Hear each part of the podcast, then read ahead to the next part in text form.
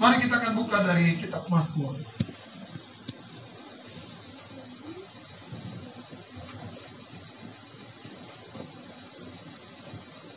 Mari kita akan buka Mazmur 84.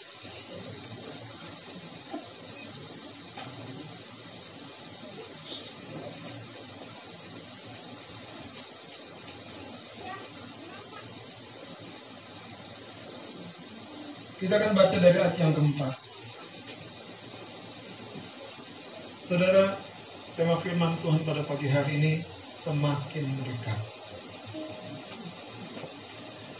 Terkadang kita tidak tahu Bapak bahwa segala sesuatu yang kita sedang tuju sudah semakin dekat. Seperti Alkitab berkata, keselamatan pun semakin dekat kedatangan Tuhan bahkan sudah sangat dekat, sudah diambang pintu. Satu hal yang terkadang membuat kita terlena ketika kita tidak melihat sadar bahwa agenda Tuhan buat hidup Anda dan saya adalah sesuatu yang besar. Itu sebabnya Tuhan rindu ketika dia menjamah hidup kita, mengubah hidup kita. Tuhan ingin kita menjadi salurannya supaya lebih banyak lagi orang mengalami pemulihan. Katakan amin.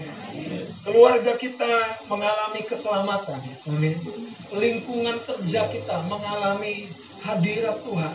Karena Anda dan saya adalah baik Allah itu sendiri. Anda dan saya di dalam hidup kita, diri kita, roh Tuhan tinggal. Katakan amin. Nah dia rindu membawa kita saudara menjadi saluran kuasanya, kebenarannya, menjelang kedatangannya yang semakin dekat. Nah mari kita kita akan baca dari ayat yang kelima kalau di buku Alkitab Bapak Ibu Saudara. Kalau di handphone mungkin di tab kita akan baca dari ayat yang keempat kita akan baca sampai ayat yang ke-7 atau ayat yang ke-8. Berbahagialah orang-orang yang diam di rumahmu, yang terus-menerus memuji-muji engkau. Berbahagialah manusia yang kekuatannya di dalam engkau, yang berhasrat mengadakan ziarah. Apabila melintasi lembah baka, mereka membuatnya menjadi tempat yang bermata air. Bahkan hujan pada awal musim menyeluruhinya dengan berkat. Mereka berjalan makin lama makin kuat hendak menghadap Allah di Sion. Haleluya. Amin. Ayat yang terakhir dikatakan mereka berjalan makin lama makin kuat. Makin lama makin kuat. Hendak menghadap Allah di Sion. Perjalanan kita, saudara, di muka bumi ini adalah seperti musafir, tetapi bukan pengelana atau musafir yang tanpa tujuan. Katakan amin. Anda dan saya musafir, artinya ini bukan tempat tinggal kita. Itu itu itu maknanya musafir. Kita ada di muka bumi untuk sementara saja. Ada orang berkata kita seperti pelancong. Tetapi Bapak Ibu Saudara kita perlu perhatikan bahwa perjalanan yang sedang kita lakukan ini punya sebuah misi. Dan sementara kita menjalaninya hari lepas hari, Alkitab yang berkata, makin lama kita Tuhan ubahkan semakin kuat, semakin hidup di dalam kebenaran, semakin merasakan kehadiran Tuhan, semakin Tuhan ubahkan serupa dalam kekudusannya. Semakin Tuhan ubahkan serupa dengan karakternya. Semakin kuat, semakin menanggalkan yang lama, mengenakan yang baru. Semakin saudara kita melepaskan yang duniawi, kita mengerjakan yang ilahi di muka bumi. Hidup kita semakin kuat, semakin serupa dengan barisan tentara surgawi yaitu mengenakan kemuliaan yang ketika di Taman Eden itu hilang dari Adam dan Hawa. Hidup kita dari kemuliaan sampai kemuliaan, semakin mulia dan semakin mulia. Amin. Itu sebabnya inilah yang menjadi bagian orang-orang yang percaya kepadanya. Katakan amin. Sementara itu saudara, roh dunia sedang bekerja begitu keras sekali kalau Anda membaca sebuah headline berita yang santer hari-hari ini, ada seorang Indonesia yang di luar negeri, yang katanya berkuliah dan melakukan kejahatan yang begitu mengerikan sekali. Kejahatan seksual yang tidak terbilang seorang pria memperkosa pria hampir 200 pria. Saya mengatakannya ini cukup vulgar supaya Bapak Ibu Saudara tahu. Inilah dunia yang semakin rusak. Inilah dunia yang semakin hanyut merosot ke bawah. Inilah dunia yang Anda harus berpijak kepada kebenaran. Kenapa? Kalau tidak, kegelapan akan mulai melingkupi kita dan kita berpikir kita sedang ada di dalam terang. Sementara sebetulnya kegelapan semakin masuk di dalam diri kita, dalam diri kita. Nah, Alkitab berkata mereka berjalan makin lama makin kuat hendak menghadap Allah di Sion. Mari kita buka sekarang Roma pasal yang ke-13. Roma pasal yang ke-13.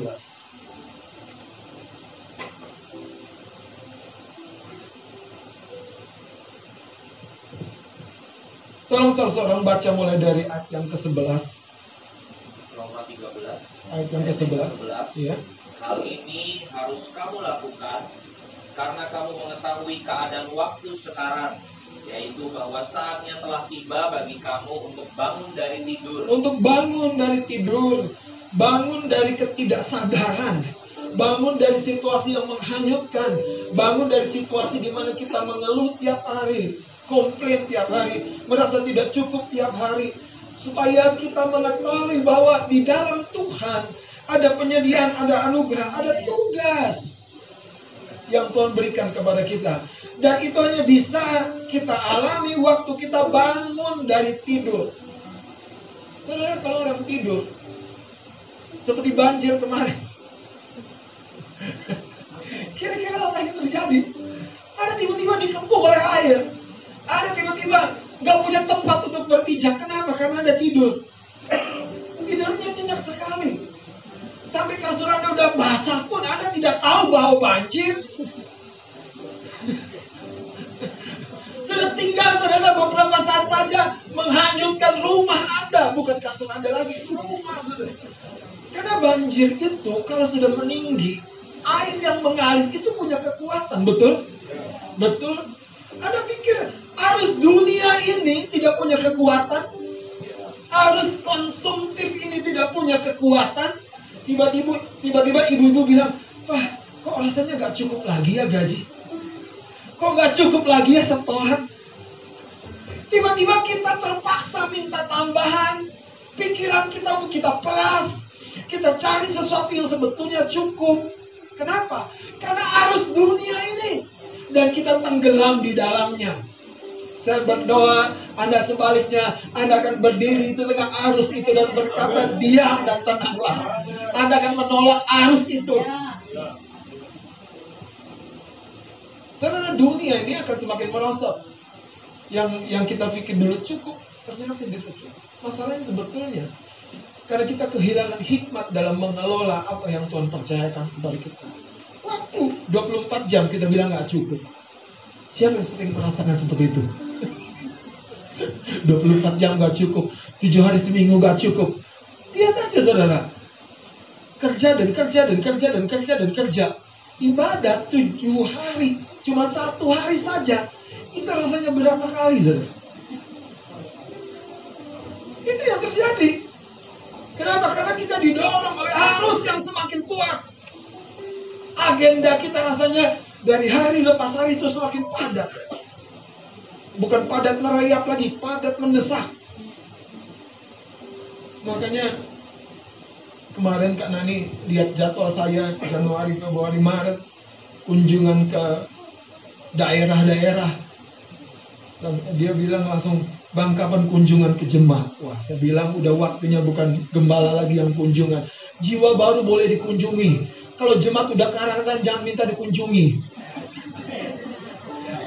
Anda mengerti tahunya jemaat udah karatan? Artinya Anda sudah 20 tahun di gereja ini masih minta dikunjungi. Tiba waktunya ada yang mengunjungi jiwa baru, katakan amin. Kita yang harus mengunjungi orang-orang baru supaya mereka dikuatkan. Haleluya.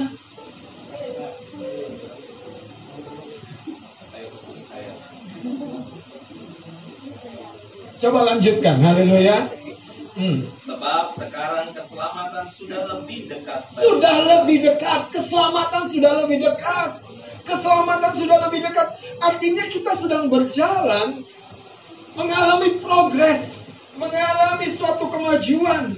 Sekalipun Anda tidak melihat kemajuan itu belum manifestasi, belum berwujud di alam lahir ini. Tapi yakinlah Anda semakin dekat, Anda semakin dekat, Anda semakin dekat untuk mencapai keselamatan. Keselamatan yang dimaksud bukan masuk surga.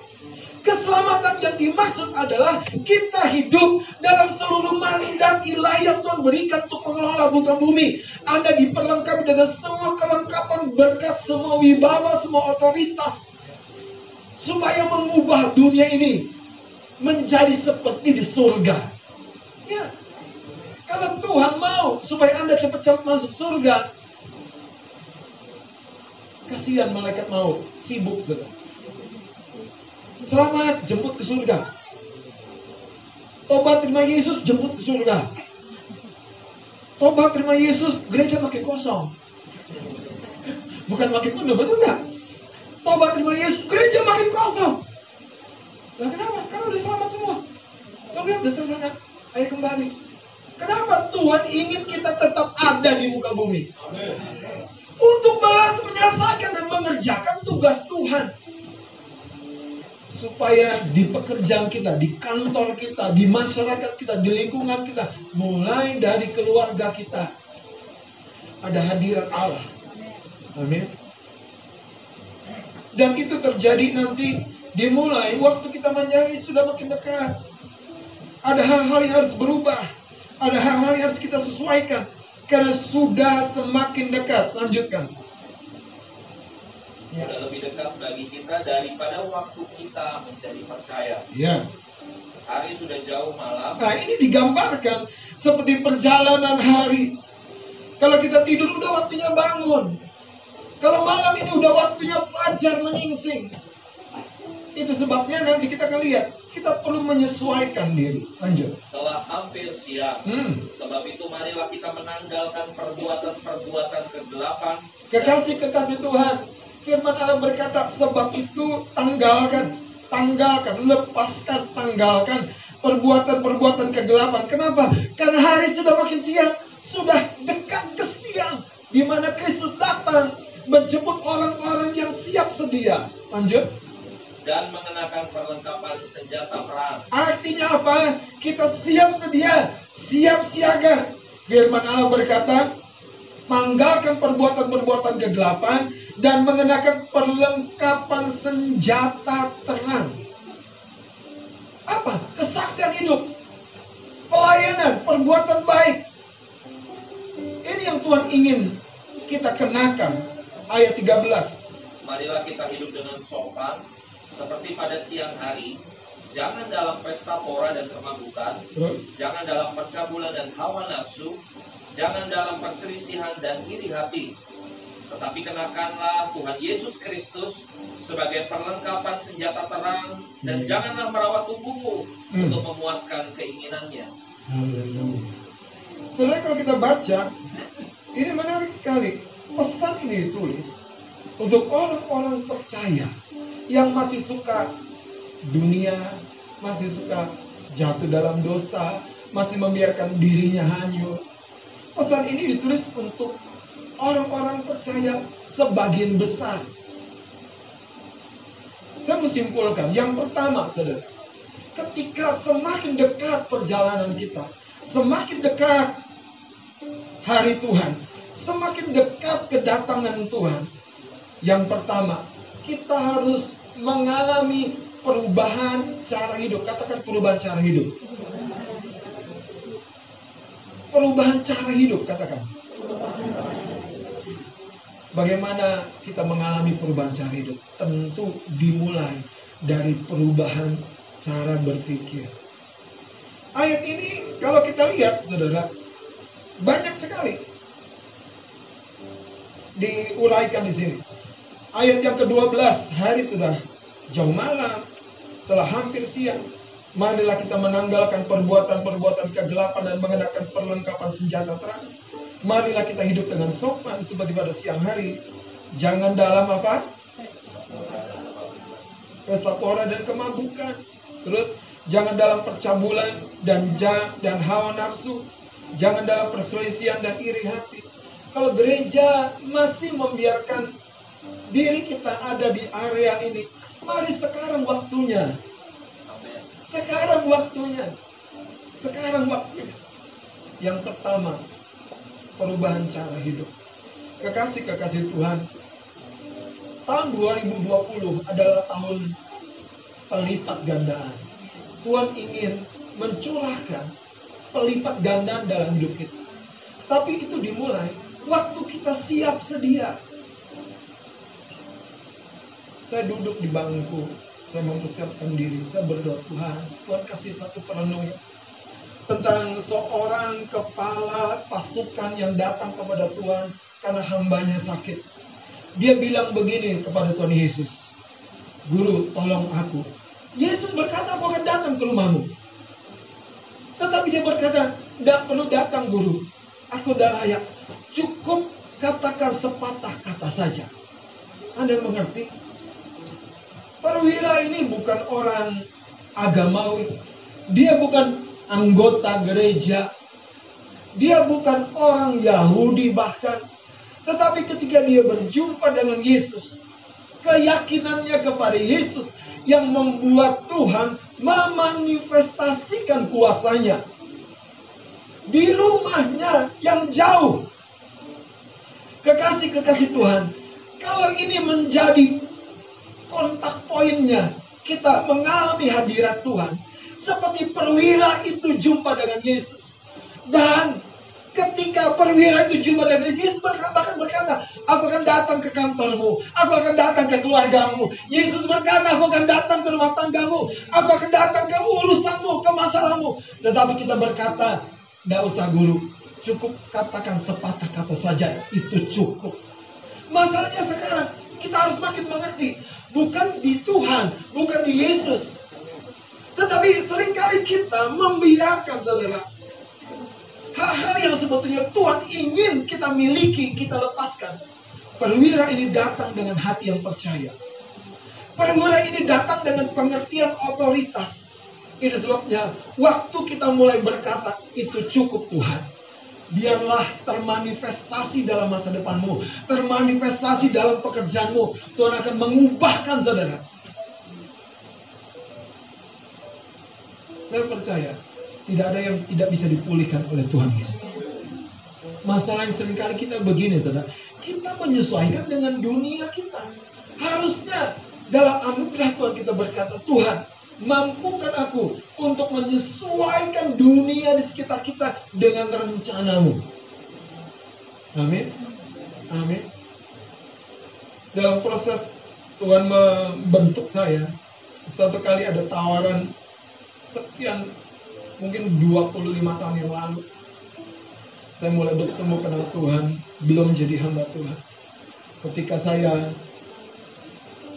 mulai bekerja ada tawaran bekerja di satu tempat di kota Bandung tawaran pekerja itu datang dari paman saya dari tulang saya dan tawaran pekerjaannya menggiurkan bagus fasilitas bagus pokoknya tetapi saya berdoa dan Tuhan taruhkan pengertian begini.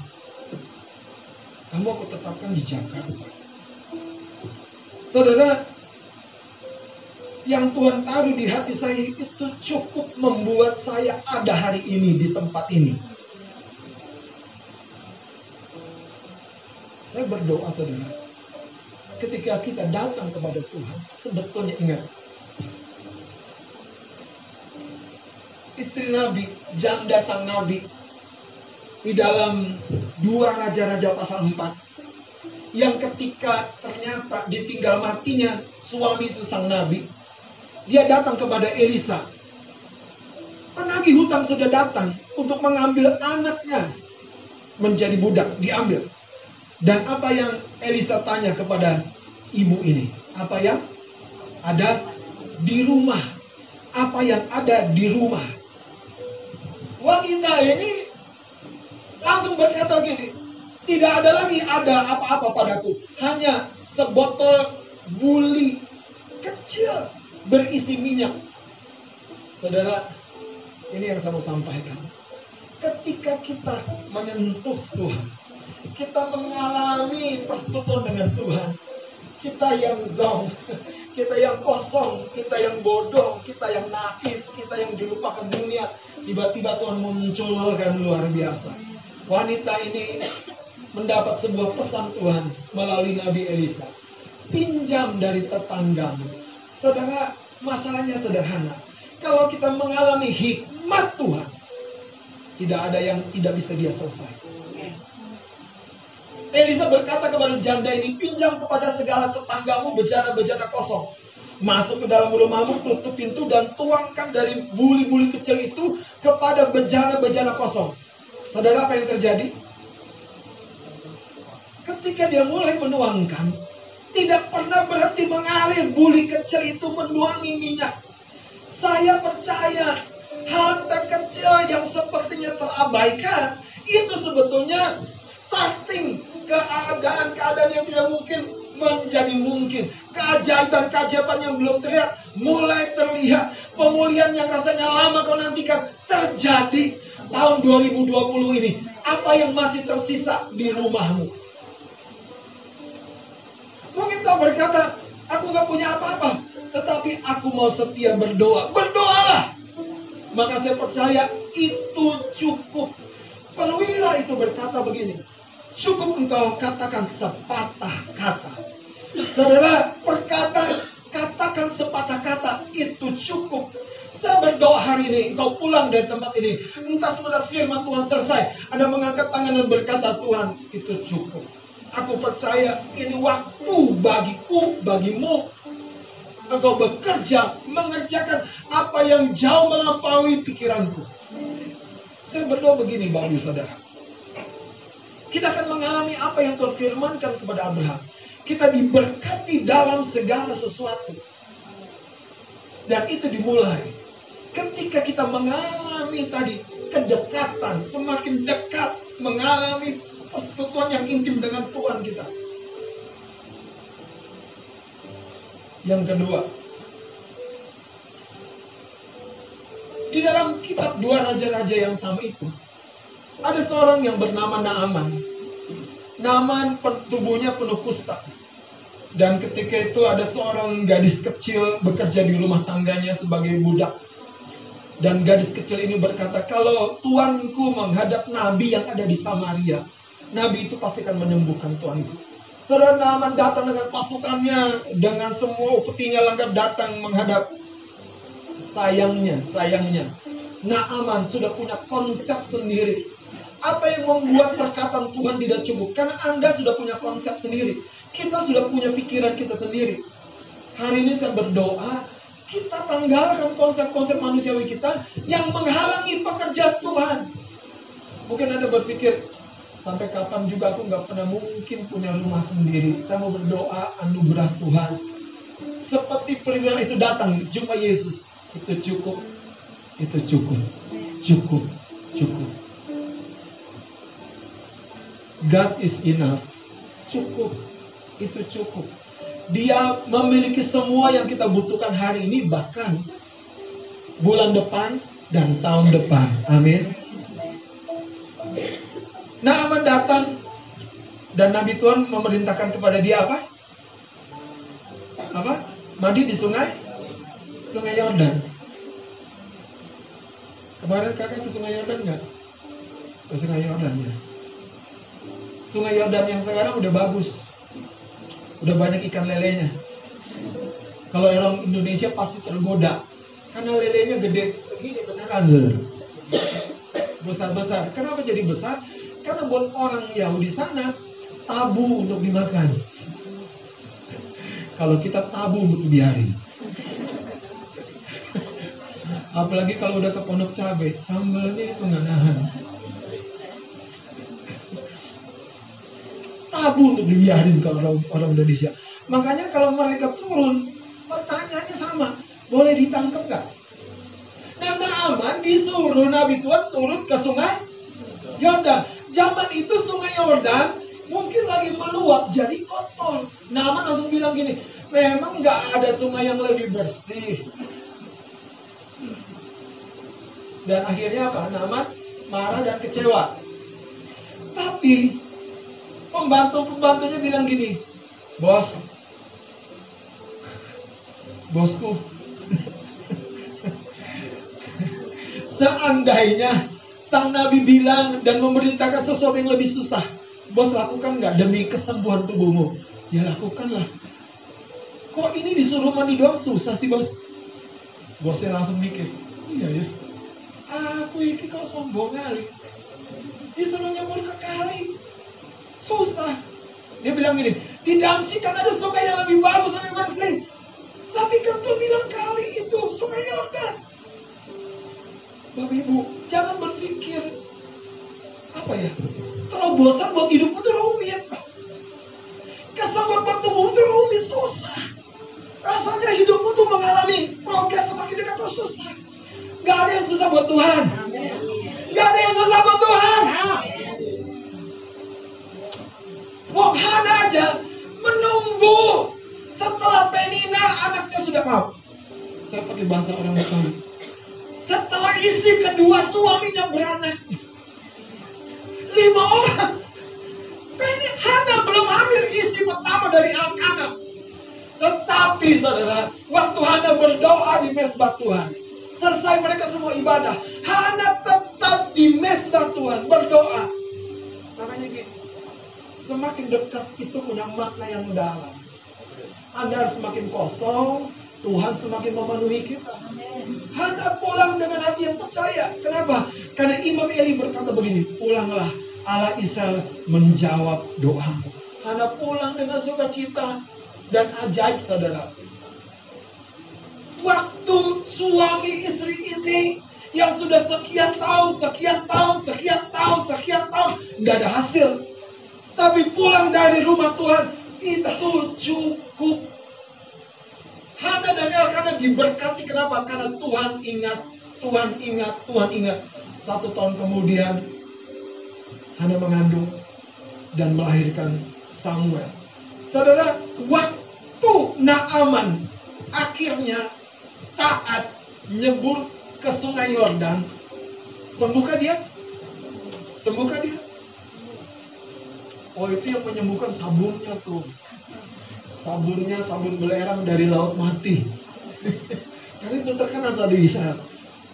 Lumpur laut mati itu sampai diekspor, dibuat jadi kosmetik.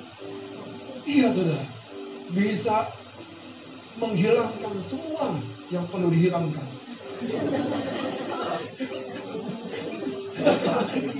Tiba-tiba Anda seperti bayi baru lahir.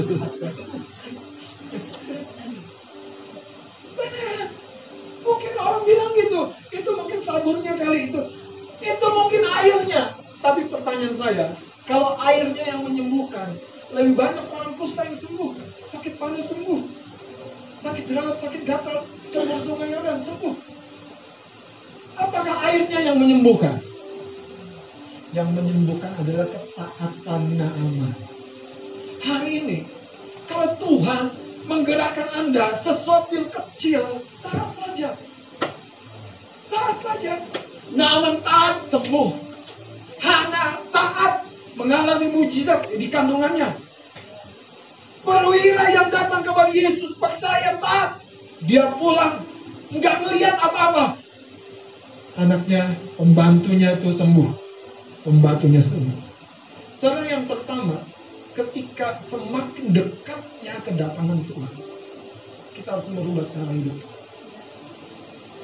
Saya mau simpulkan, cara hidup yang bagaimana yang berubah? Cara hidup yang duniawi. Cara hidup yang menarik kita makin tenggelam dalam kehidupan yang tidak seperti Tuhan rencanakan. Cara hidup yang mengurung kita dalam nilai-nilai duniawi. Itu sebabnya saudara, jangan begitu lama di depan TV. Jangan begitu lama di depan medsos. Jangan begitu lama di depan semua bacaan hoax itu. Jangan begitu lama memikirin maaf ya. Pak Gubernur yang katanya belum mampu menangani banjir. Anda pikirin, kayaknya ada hebat aja gitu mikirin. Anda omongin, Anda debat. Anda kayaknya pengen tampil di TV One itu. Debat masalah banjir. Sahabat berhentilah. Gak usah didiskusi, diskusi firman Tuhan. Tanyain kanan kirinya, gimana doamu? Gimana kata doamu? Eh kita doa bersama yuk besok yuk. Ada eh, suami istri katakan coba kanan kirinya. Eh besok kita doa sama-sama ya. Malu dong. Malu, malu. Tuhan sudah dekat datang. Kita belum jadi-jadi juga doa bersama di keluarga. Oh. Padahal tema doa kita udah tahun lalu ya Bang Horas Kasari ya. Udah lewat, udah jauh banget. Tapi tiap pagi, coba dia tanya suami istri, ada doa pagi bersama. Oh Pak Pendeta, ampunikan. Besok mau diminta ampun lagi. Besok mau minta ampun lagi. Coba bilang bertobat, bukan minta ampun. Nanti kan bertobat. Bertobat itu saudara sadar, insaf, dan berubah cara berpikir. Dan berjalan ke arah yang berbeda. Itu bertobat. Bertobat tuh bukan sadar, gak enak hati. Itu belum bertobat. Itu cuma tersinggung. Bertobat dengerin, sadar, insaf, berubah cara berpikirnya, berubah tindakannya. Itu bertobat. Bertobat itu yang sesungguhnya metanoia. Hmm. Katakan insaf. Udah tahu besok hari Minggu. Malam Minggu masih begadang, ya sakit lah. Tanggung. Mau dibangunin cepat berangkat ibadah, ntar lagi deh. Tambahin dong. Bangunin nanti ya, tobat. Adit tuh, adit.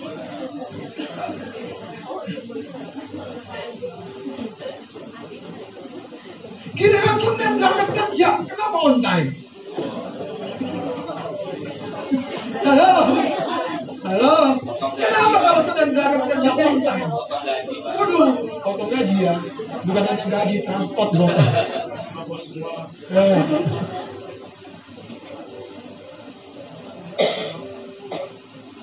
Itulah manusia. Coba kanan kirinya, ternyata kamu manusia.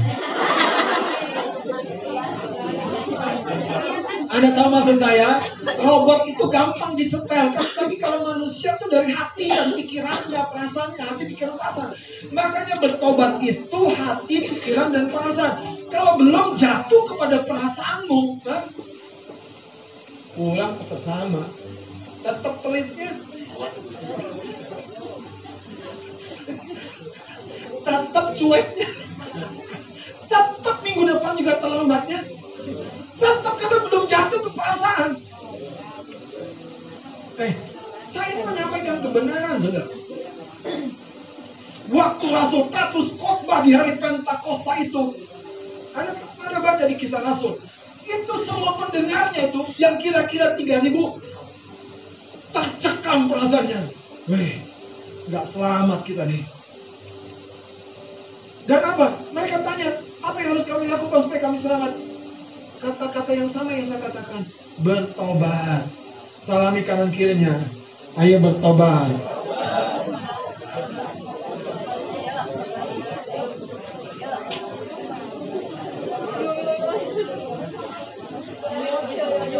Kalau hari gini masih belum saat teduh pagi pada pelayan Tuhan dengerin. Pada pelayan Tuhan dengerin. Kalau Anda pelayanan di ibadah, Anda pelayanan gereja anak, Anda jadi usher, tapi Anda tidak punya saat teduh, tidak punya doa pagi bertobat. Nanti kalau kilat datang dari langit, yang disambut tuh bukan jemaat yang baru datang. Asyik tuh yang kayaknya kudus banget. Suci sekali nyambut nyambut tamu datang. Anda. Dengerin, kalau pelayan ibadah di sini di panggung, termasuk di sana, Anda luar biasa. Wah jemaat memuji Tuhan, menyembah Tuhan tuh luar biasa. Pokoknya harus semangat. Wih, emang ya pasti pasti. Kamu dulu. Iya. Kenapa? Karena firman Tuhan berkata, penghakiman itu dimulai dari rumah Allah. Yang Tuhan kuduskan itu bukan dunia luar, tapi dunia dalam yang namanya gereja. Hari ini kalau pemimpin kelompok kecil belum bisa memimpin dirinya sendiri baca Alkitab, ke laut aja. Ke banjir aja sana. Kenapa? Karena Tuhan sudah dekat. Makanya berubah cara hidup. Kalau hari ini gajian, waktu ada terima amplop yang keluar keluhan bukan ucapan syukur, yang keluar semua ketakutan karena tagihan-tagihan yang belum bayar, bertobat. Yang keluar selalu berkata, terima kasih Tuhan, ini lebih dari cukup. Oh, haleluya, haleluya, haleluya. Tepuk tangan bagi Tuhan.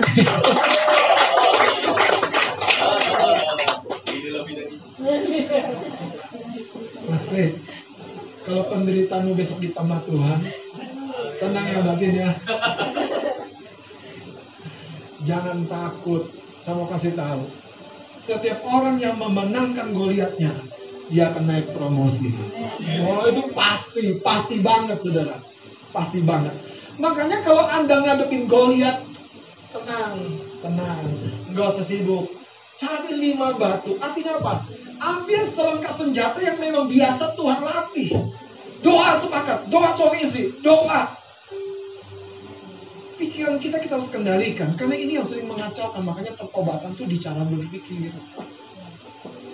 Kalau hari gini, saudara, hari minggu, Gak hadir ditanya kenapa? Mindset. Ternyata hari Sabtunya habis makan enak, ya bertobat kau.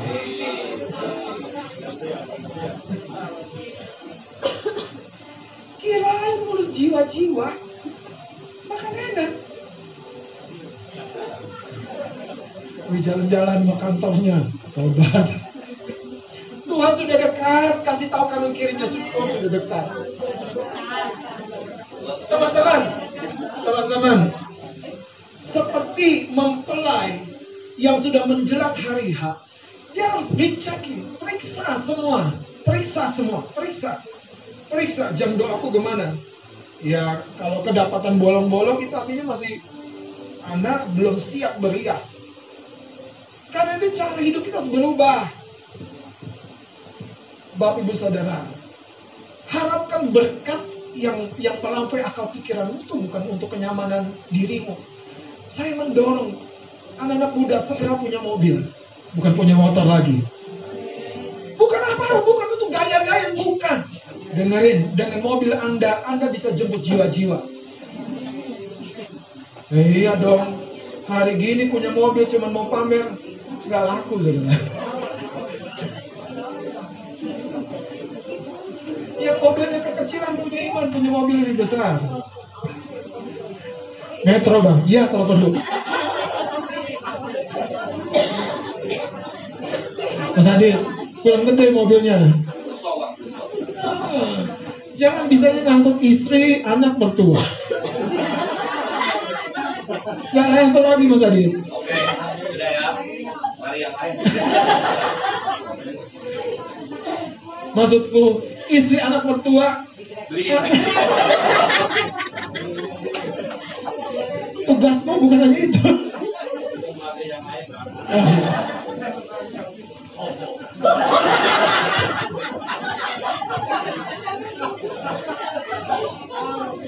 Eh, itulah kalau sesama keluarga saling menganiaya. Bang Mawel, kapan rencana punya mobil? Mati. Ini kalau Pak Pendeta sudah ngomong, ini Anda harus tangkap. Yes. Pak Pendeta bukan sembarang ngomong. Kalau kita tidak segera taruh iman kita di hadapan Tuhan, aku butuh mobil ini bukan untuk gaya-gaya, bukan. Tapi semua hidupku jadi kesaksian, jadi berkat karun. Segera. Muat bang di rumah muat. Kasihan Kak Adel bonceng karun terus.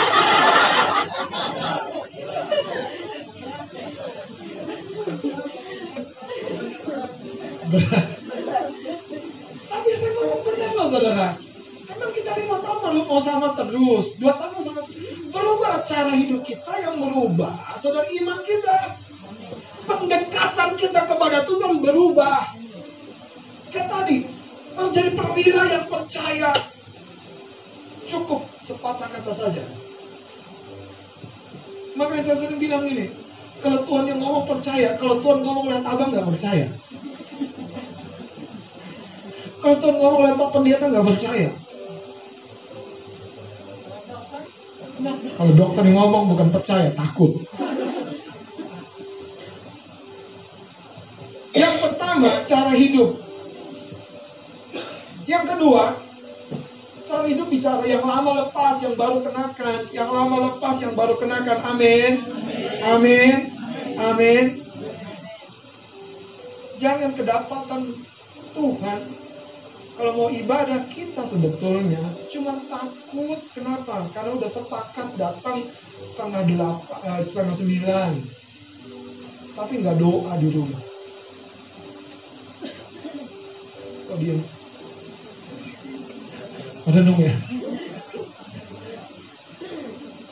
makanya saya senang kalau khotbah di gereja sendiri kalau khotbah di gereja orang lain nggak kayak begini saudara haleluya Amin. Yang kedua, saudara. Yang pertama cara hidup. Yang kedua ini yang tidak kalah penting. Saya akan bagikan dua saja. Yang namanya lebih waspada. Kalau boleh Anda padanan, padankan kata ini, jangan lengah lagi. Lebih waspada itu artinya jangan lengah lagi. Kalau Anda terpleset itu karena Anda lengah. Betul nggak? Saya hari Senin yang lalu mendarat di kantor pusat. Saya parkir di pintu belakang. Saya lihat nggak ada air lagi. Cuman saya nggak lihat lumpurnya yang licin masih banyak. Saya pede tenteng tas, tenteng laptop, tangan kanan, tangan kiri. Makanya saya tobat, saya juga bertobat. Saudara. Tangan saya penuh, akhirnya nggak siap saya injak lumpur itu. Terpelesetlah kaki saya. Kaki kanan saya benjut tulang keringnya, memar, luka, dan bengkak. Waktu benjol, benjut, bentul, nggak berasa. Tapi pulang ke rumah, panas dingin, saya lihat, ini kok jadi bengkak begini tulang kering. Oh baru ingat, terbentur. Terbenturnya karena kurang waspada teman-teman kalau kau tahu di mana kau akan bisa marah meledak berhenti Haleluya kalau di poin apa engkau akan akhirnya berargumentasi dengan pasanganmu berhenti jangan dilanjutkan apalagi kalau usut punya usut masalahnya cuma sepele lupa taruh kunci makanya saya bilang bikin duplikat kunci yang banyak mas ini pengalaman saya. Kamu udah sampai rumah. Kunci nggak jelas di mana. Akhirnya bikin duplikat kunci. Satu di Pak Jumani, satu di Nani, satu di saya, satu di kakak. Ada lima kunci rumah kami. Kenapa? Saya nggak mau hal-hal yang sepele itu bikin masalah. Teman-teman, kalau kalau anakmu terus dibiarkan main handphone, bikin kesepakatan. Jangan biarkan ada terkuras emosimu. Makanya prinsip yang pertama, lebih waspada dan jangan lengah. Kalau Anda tiba-tiba gajian, aduh lupa lagi bayar kembalikan perpuluhan. Jangan lupa, perpuluhan itu bukan hanya kewajiban, ikat janji, saudara. Ikat janji. Makanya Tuhan bilang, uji aku. Tuhan sama bilang, uji aku. Aku tidak akan membukakan tingkap-tingkap langit dan mencurahkan berkat. Ikat janji itu artinya apa? Seperti Anda ikut asuransi. Kalau Anda bayar apa preminya, Anda akan dapat manfaatnya. Tapi kalau Anda tidak bayar preminya, Anda tuntut mana? Mana dong? Ayo bayar, ayo tolong aku di rumah sakit. Nah pengurus asuransi bilang begini, nah Anda nggak setia. Artinya waspada. Waspada, jangan lengah. Masalah kesehatan, kalau Anda sering drop, ya paling tidak ini teman-teman tolong antisipasi.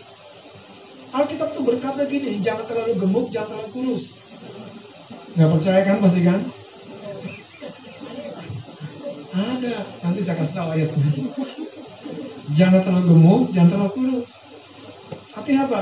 Hidup berpadan. Iya kan?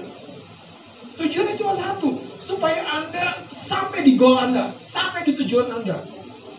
Jangan terlalu kaya, jangan terlalu miskin. Ada ayatnya? Ada. Hidup berpadan, saudara. Berpadan. Rumah Anda dua, udah cukup. Jangan minta tiga. Rumah Anda ada tiga, udah cukup. Udah. Yang kelima kasih orang. Sebaliknya, kalau Anda belum mencapai takaran yang Tuhan maksud, capai itu dalam iman. Artinya apa? Yakub bekerja tujuh tahun dengan Laban, dapatnya apa? Lea. Laban bilang itu pamannya, mertuanya juga. Ya udah deh kamu kerja tujuh tahun lagi deh, aku akan kasih Rahel. Apa? Bekerja lagi 14 tahun. Tapi tetap jadi pegawai. Tapi rencana membuat Yakub bukan jadi pegawai, tapi jadi pengusaha, betul nggak? Sampai akhirnya apa? Yakub punya peternakan sendiri dan Yakub jadi orang yang sangat diberkati karena dia melangkah dalam rencana Tuhan. Yang pertama apa? Berubah cara hidup. Yang kedua apa? Jangan lengah lagi. Rumah bocor kenapa? Karena bocor kecil biarin, membas dan lain sebagainya. Kendaraan kita juga gitu, hidup kita juga begitu. Malas dikit, eh jadi malas panjang. Sakit dikit, nggak dihandle, nggak segera bangun cari penyelesaiannya, jadi sakit parah. Sebenarnya ini dua hal ini, saudara, mengingatkan kita penting sekali, saudara. Semakin dekat harinya, kita bersiap sedia. Amin. Bersiap sedia. Haleluya. Amin. Yang terakhir, ayat yang terakhir, Ibrani pasal yang kedua.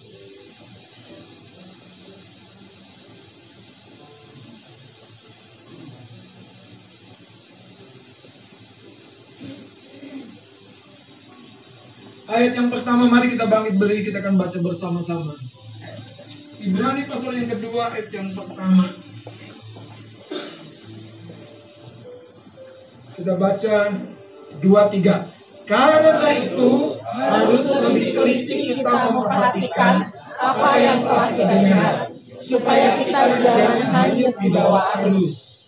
Sekali lagi kita baca dua tiga. Karena itu harus lebih teliti kita memperhatikan apa yang telah kita dengar, supaya kita jangan hanyut di bawah arus. Kekasih-kekasih Tuhan, sebelum kita berdoa dan menyembah Tuhan, apa yang terjadi dengan Uza ketika dia membawa tabut Allah. Api Tuhan menyambar Uza yang teledor. Apa yang kita lakukan sekarang ini kelihatannya aman sampai di, di sebuah lembah yang namanya lembah Kidron. Anda tahu lembah Kidron itu ada lembah penampian, lembah pengujian. Setiap kita akan memasuki lembah itu yang tua, yang muda, tidak mengendalikan diri, kita akan dibawa masuk lembah Kidron. Dan waktu itulah hal-hal yang tidak kita tangani dengan baik akan terekspos, akan muncul. Dan ketika itu baru kita tahu kita gagal. Uzat udah gagal, Ayo udah gagal. Tapi itu membuat Daud sangat takut. Daud bertobat dan dia melakukan tugasnya dengan benar. Yaitu apa? Tidak lagi membawa tabut Allah dengan kereta, tetapi membawa tabut Allah dengan imam-imam yang mengangkut dengan pundaknya. Saudara, saya berdoa semua janji Tuhan ini Tuhan sudah berikan kepada kita. Tapi jangan, jangan, jangan kita harapkan dengan cara manusiawi kita. Tapi harapkan dengan cara ilahi. Seperti janda yang datang kepada Elisa. Punya kecil, hadapkan kepada Tuhan. Aku cuma punya ini. Naaman punya budak yang berkata, kamu ketemu Nabi di Samaria, percaya saja. Hari ini Tuhan tuh sebetulnya gini saudara. Tidak di tangannya lah waktu. Dia bisa mendatangkan berkat yang kita butuhkan hari ini. Tetapi sayangnya, yang membuat berkat yang kita butuhkan itu seperti tidak datang hari ini bukan Tuhan, itu maksud saya.